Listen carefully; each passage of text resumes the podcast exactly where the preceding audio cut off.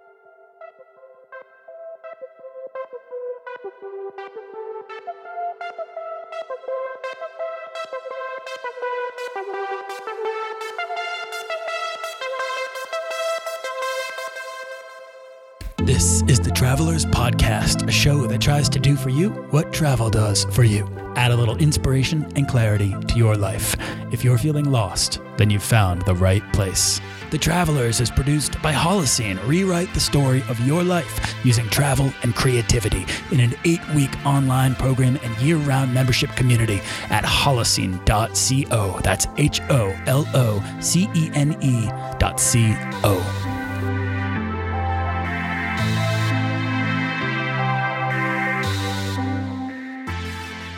Welcome back to the Travelers. This is episode three of season three, in which we're exploring the four stages of transformative travel and all transformation, I guess, in general.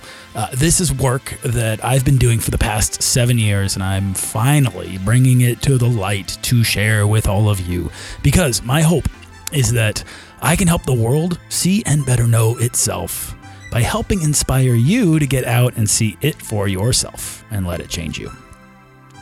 But before you can do that, you have to get past the things that are holding you back from taking this journey, right? I'm not talking about taking an island vacation. Um, but that would be nice. If I could go anywhere right now, uh, it would definitely be an island. Uh, in this pandemic that feels like it is never ending, um, I have not been traveling a lot, so I am not going to be picky about which island. I will take any island. Any island will do. Um, but if I could choose one, it would be an island in Indonesia called Sumba. Uh, it's just southeast of Bali, uh, and it is a little less developed and a little more remote. And I'm kind of look, I really miss Bali, but I, I, I want to go somewhere new. I'm starving for novelty in this uh, you know covid world. I need new experiences.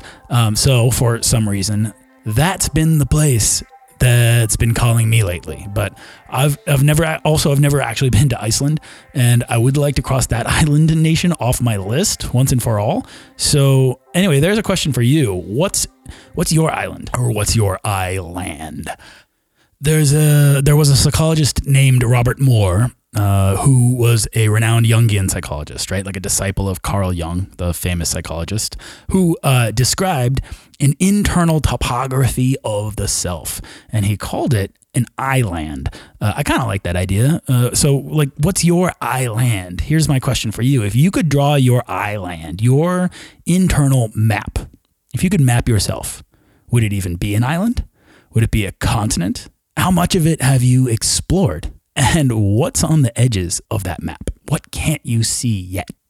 Anyway, just some fun thoughts. For me, I always want to go out exploring beyond the edges of my own internal map just to see, uh, you know, what else is out there. Uh, so, anyway, those are just some fun thoughts. On the previous two episodes, right, we covered resistance, what it is, and how to overcome it by using curiosity or questions. So, let go of all the answers around you and instead start asking questions. The first question is your calling. What is it that you want to do? This is so broad, right? But it's where every transformative journey starts and ends. And in episode two of season three, we went through a case study of resistance where Lauren Juliff uh, overcame crippling anxiety and panic attacks, self doubts, uh, and the doubts of others by choosing to explore the question what if I could survive for a year on the road? If you didn't get a chance to listen to that breakdown, you can do so on episode 224. Today's show is episode 225, and uh, wow, 225. And we are going to cover the subject of stories, namely, how to begin to write the story we tell ourselves why it's so important that we consider doing this for our mental health and how travel can help us to do that. Uh, if you didn't already know, and I imagine most regular listeners of The Travelers already do, uh, I'm a bit obsessed with storytelling. So I went to film school uh, and I wrote screenplays and stage plays. Uh, and I worked behind the camera with actors to tell visual stories. And I got intimately acquainted with the fabric of a story, right? Like how they're woven, how they're tightened, and how to pull a thread so that they come apart. I started working in marketing to tell brand stories for billion dollar global institutions and startups and entrepreneurs. And then I've been producing this podcast where I get to explore some of the world's most fascinating stories and, and then I get to share them with you. It should go without saying that I've spent a lifetime surrounding myself with stories, both inspirational and devastating. And I'm not doing this just to entertain an audience. I've seen the impact that stories can have on all of us, and it's become my passion really to share this so that we can all tap into the transformative power of travel. In season three, episode one, I mentioned how I've been struggling through the greatest period of resistance for the past five years. That was in no small way because I was telling myself the wrong story. And I knew it. I was aware of it, but I kept telling myself this story. The story went like this Because of the emotional fallout from my divorce, I could not produce this podcast up to my own standards. Because I could not hold up a relationship, I wasn't good enough to continue running my membership site, Holocene. I didn't deserve to travel. Because I felt sadness, I wasn't allowed to find healing. And if you know me, I turn to travel for inspiration. I turn to travel for healing. I use travel as a function to jumpstart the machine, right? And I was denying myself that foundational approach. These stories, these tiny loops, they kept me trapped in resistance for five years until I learned how to rewrite the story we tell ourselves. And that's what I want to talk about today stories. Okay, why stories? Okay, well, everything is a story. They really represent a functional structure for how our minds work to make sense of everything. Stories, they help us find order in the impermanence of life. It's through order that we can find meaning and measure to help us understand reality in space, time, identity, and possibility which is all very chaotic. And it can so quickly feel like we're overwhelmed or losing control of our worlds. But that too is a story. And we'll get into the bad stories that do not serve us very soon.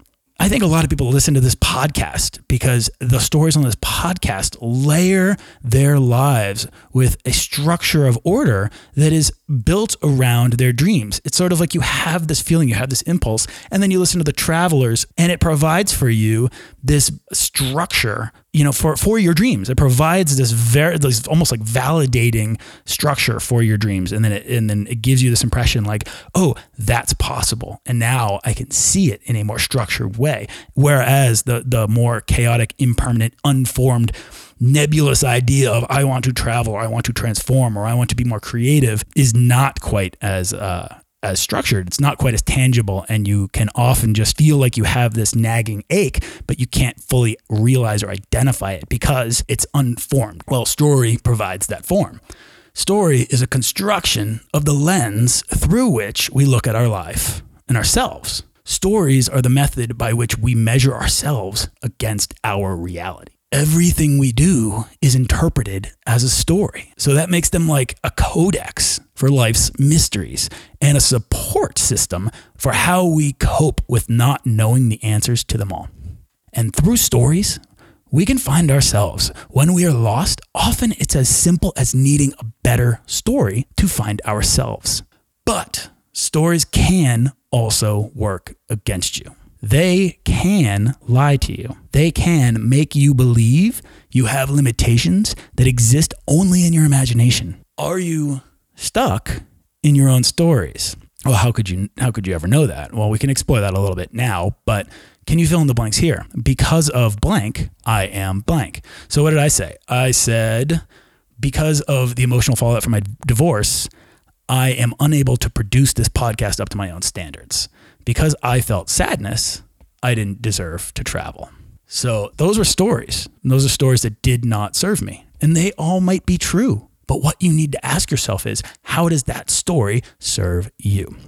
because it can be really easy to find your own beliefs confined by broader beliefs, which are reinforced by stories. It's like your own personal beliefs about yourselves might be walled in, unable to see over that wall. And the story is the cement between the bricks of that wall. And when all and this is when all your, you know, your your your own personal beliefs, all they want to do is to be free and to travel and to see over that wall. Not to be held back by the definitions and the expectations of others, confined by those stories that we tell ourselves that, that do not serve our desires. How do you know when you're stuck in a self defeating, self destructive story? How do you know if your story is not serving you? Well, this is one of the very first lessons in the Holocene framework and the program, and it's amazing how it will bring such immense awareness, if not clarity, to your resistance. So, my good friend Jody Ettenberg from legalnomads.com, you should absolutely go over to her blog if you're unfamiliar and just uh, dabble around in it because it's brilliant. Uh, she once recommended to me a book called Full Catastrophe Living by Jon Kabat-Zinn. It's a very well known book, like very famous, so maybe you've heard of it. It's basically the book on mindfulness through meditation. I've experienced the benefits of meditation, but I personally don't enjoy it. Okay, I'll just put that out there. But I loved the book, and to my surprise, I found a lot of what it had to say about meditation echoed my beliefs about transformative travel. I mean, I can almost go through that entire book, pull out sections, and replace the word meditation with travel. So here's here's a section that uh, from the book. It is impossible to become like someone else. Your only hope is to become more fully yourself. That is the reason for practicing meditation in the first place. In practicing mindfulness, you are practicing responsibility for being yourself. The more you cultivate this trust in yourself, the easier you will find it will be to trust other people more and to see their basic goodness as well. Okay, so I love that quote. I relate this quote to building trust in your abilities to navigate difficult situations on the road and in relationships, nurturing open mindedness, and the openness to experience personality trait and psychology, all, all of which are cultivated through transformative travel. Uh, he also says, okay, here's another uh, section. Simply put, mindfulness is moment to moment awareness. It is cultivated by purposefully paying attention to things we ordinarily never give a moment's thought to. It is a systematic approach to developing new kinds of control and wisdom in our lives. Brilliant. I relate this quote to transformative travel's capacity for putting us in a childlike state of wonder. He champions meditation, and rightfully so. It may not be for everyone, for everyone, but meditation it works. Meditation is, in my observation, arguably the most difficult and yet most impressive portable and consistent way for the greatest number of people across the greatest number of cultures to practice mindfulness and find inner peace. In the pursuit of inner peace, there are other methods of practicing mindfulness, such as psychedelics, right, or travel. But many of those methods are useful because they do the legwork for you. Whereas meditation is similar to travel because while it creates a state of mindfulness or being in the present, it's still 100% up to you to find that presence. There's no psychedelic or there's no curious thing, no novelty in front of you to help pull you into the present, right? Awe is what pulls us forward, says Joseph Campbell. It's all up to you. Meditation is on you. In this situation, thought is what stands between us and presence. Mindfulness med- through meditation is achieved only by clearing the mind of all thought. But that's where my objection to the practice of meditation lies. Achieving inner peace requires the emptying of all trappings of thought as if it's the enemy. And I just want to say on this podcast, because this is my podcast, that I'm against that fundamental idea. I'm kind of against the demonization of our thoughts. So you may be wondering, okay, what does this have to do with story? What does it have to do with travel, right? Okay, all of this. Well, we already established that everything is stories. Stories are how we see the world and ourselves. And in any story, there is a protagonist or a hero or the good guy or girl and an antagonist or the enemy, the source of conflict. In the wellness industry, there is a prevailing belief out there right now that our thoughts are the antagonist of our story. That inner peace can only be reached through mindfulness, which can only be achieved by clearing our minds of all thoughts. And boom, we're solved. You know, we're free, we're at peace. We're no longer encumbered by those evil thoughts. We've slayed that dragon. But unfortunately, we're also without a story. Like the only way to be happy is to stop the plot entirely. But then what? What if we want to grow? What if we're bored with who we are? What if our thoughts are calling us to adventure? These are all stories that can serve us if only we knew how to write them for ourselves. I believe that instead of casting thought as the antagonist in our story, we need to author ways to inspire better thinking so that we holistically are the protagonist. So it's not us against our thoughts, it's us including our thoughts on this journey because we always have more control of our own story than we realize. And we can leverage that to incorporate our thoughts as allies instead of enemies. Our thoughts may be difficult to interpret are managed sometimes, but to demonize them seems fundamentally wrong to me in all but like the most extreme cases. I like the idea of separating your thoughts from yourself as a method to uh, have agency over your response, right, to certain stimuli. Okay, I like it. Overwhelm, for example, is, itself is overwhelming, and any path out of overwhelm is worth taking. Any path back to control, perhaps, if you feel like you're losing it, is a path worth taking. Okay, I'm not going to step on any of that, but I also think that our responses to stimuli, to the world, to life, are like signals to better understand ourselves. Our thoughts are clues we shouldn't ignore. Okay, I just want to say that again. Our thoughts are clues we shouldn't ignore.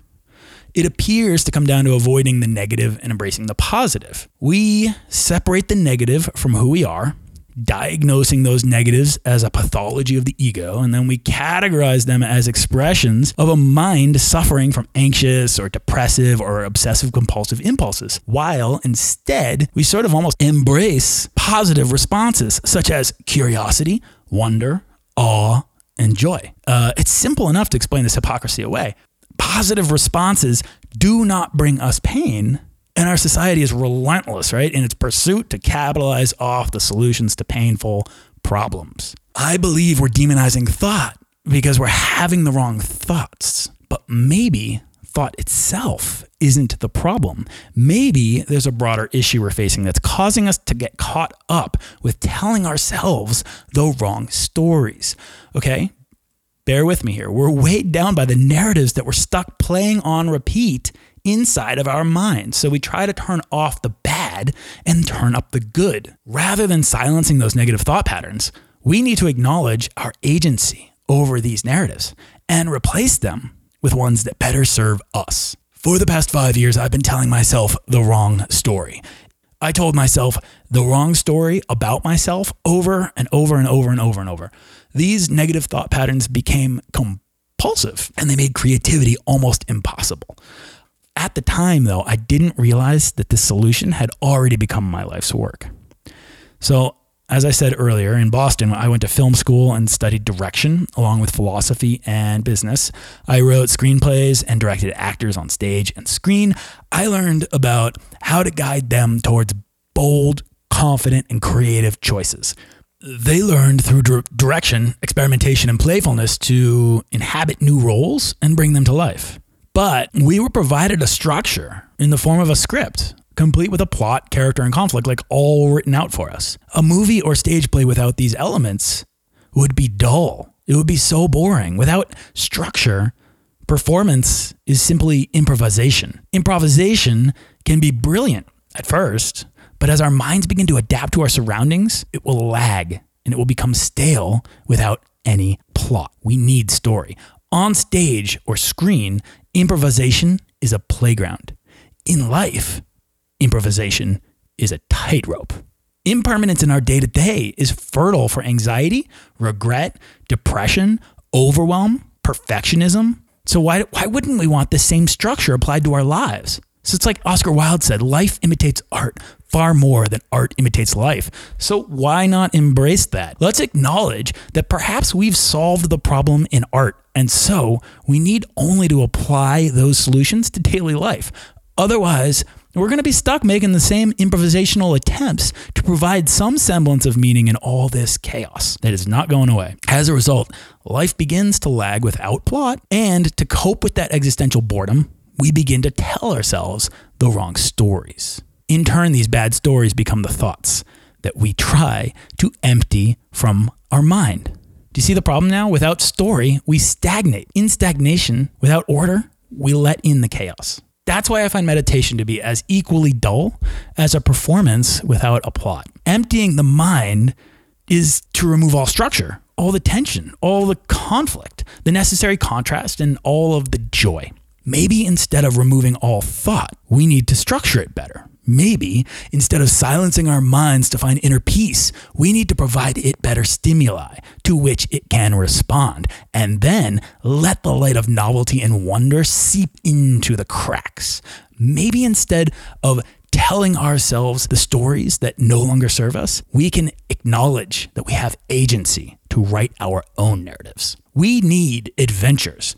We need epic journeys of the soul for the soul. We need narrative conflict that brings tension and helps us know that we're progressing upwards on this journey of ascension on which we travel, on which we challenge ourselves, overcome obstacles, and grow as we're reborn into new, more expansive identities. This is usually where I hear an objection such as, well, that sounds great, but I just can't drop everything and travel every day. Okay, first of all, that's a story. Uh, a member of Holocene once lamented that actually, uh, despite being an avid world traveler in her youth, she was now quite sick and had to spend too much money on medications to afford any travel. Okay, that is a story. Is it true? Yes, that is still a story. Another member's job required such long hours that he wanted to be sure that when he finally did cash in on his vacation time, he would get the most meaning from his travels. That was actually holding him back from living more uh, adventurously. That is a story. So I acutely understand that travel is not a perpetual mode of being for most people. Uh, I certainly haven't been traveling lately. Travel can be rare and oftentimes fleeting, particularly when weighed against our physical or our financial limitations and or the responsibilities of daily life. Many of us need to be able to find inner peace and mindfulness or this experience that we feel from travel wherever we are, which is really where meditation is useful. But finding the beginnings of a new story doesn't need to require some big experience in a far flung place. Okay, right? Like Calvin and Hobbes, we can find curiosity and wonder in the landscapes of our own backyard. Instead, how about a pilgrimage of the soul? How about making your pilgrimage finding ways to consciously step outside of your comfort zone? How about setting the intention to pursue wonder in your day to day life? Instead of having coffee only the way you like it, why not try other cultural preparations? Uh, instead of driving to work the same way, why not explore a different route or routes? Explore and expand to find curiosities and leverage them to pursue engaging narratives that play out like short films in real life. You have the choice to live your life as a masterpiece that you'd willingly relive over and over. And if we have a structure, a story for ourselves, then our choices in life are no longer improvisation. We can reduce impermanence. We can be unencumbered by the ego and instead confident, creative, and playful. Emptying your mind of thought seems like, to me, an easy way out. For some of us, there is a calling that requires courage. It begs us to step up, to face the darkness born from our boredom, and answer it by seeking light in curiosity and wonder. Without thought, we'll starve ourselves of inspiration. Without thought, we will not cultivate and strengthen our imagination. And without imagination, we'll never find new possibilities for who we might become and the roles awaiting us beyond our own internal horizons, right? Our island or the edges of that map.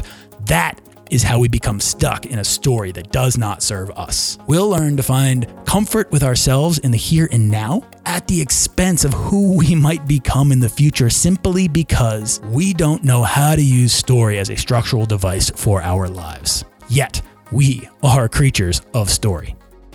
It's not so much our thoughts in general that are the problem, but the wrong thoughts deprived of any structure Instead, we need to dream for ourselves within a story based framework that helps us make our lives a work of art. What if we get lost in our story? It's too big. There are so many moving parts. Am I still living out a heroic narrative if I'm going to the grocery store for a jar of tomato sauce?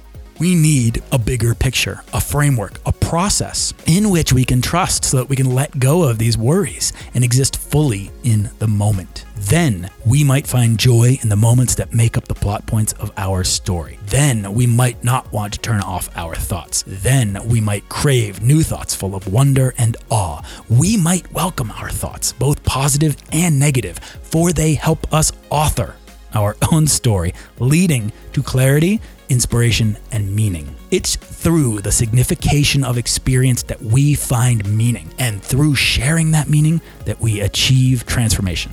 We can craft a narrative for our lives, bring it into being using a broader framework that helps us let go of the worry so that we can trust the process and return to the experience of our life, enjoyed moment to moment like plot points threading the tapestry of a great adventurous journey.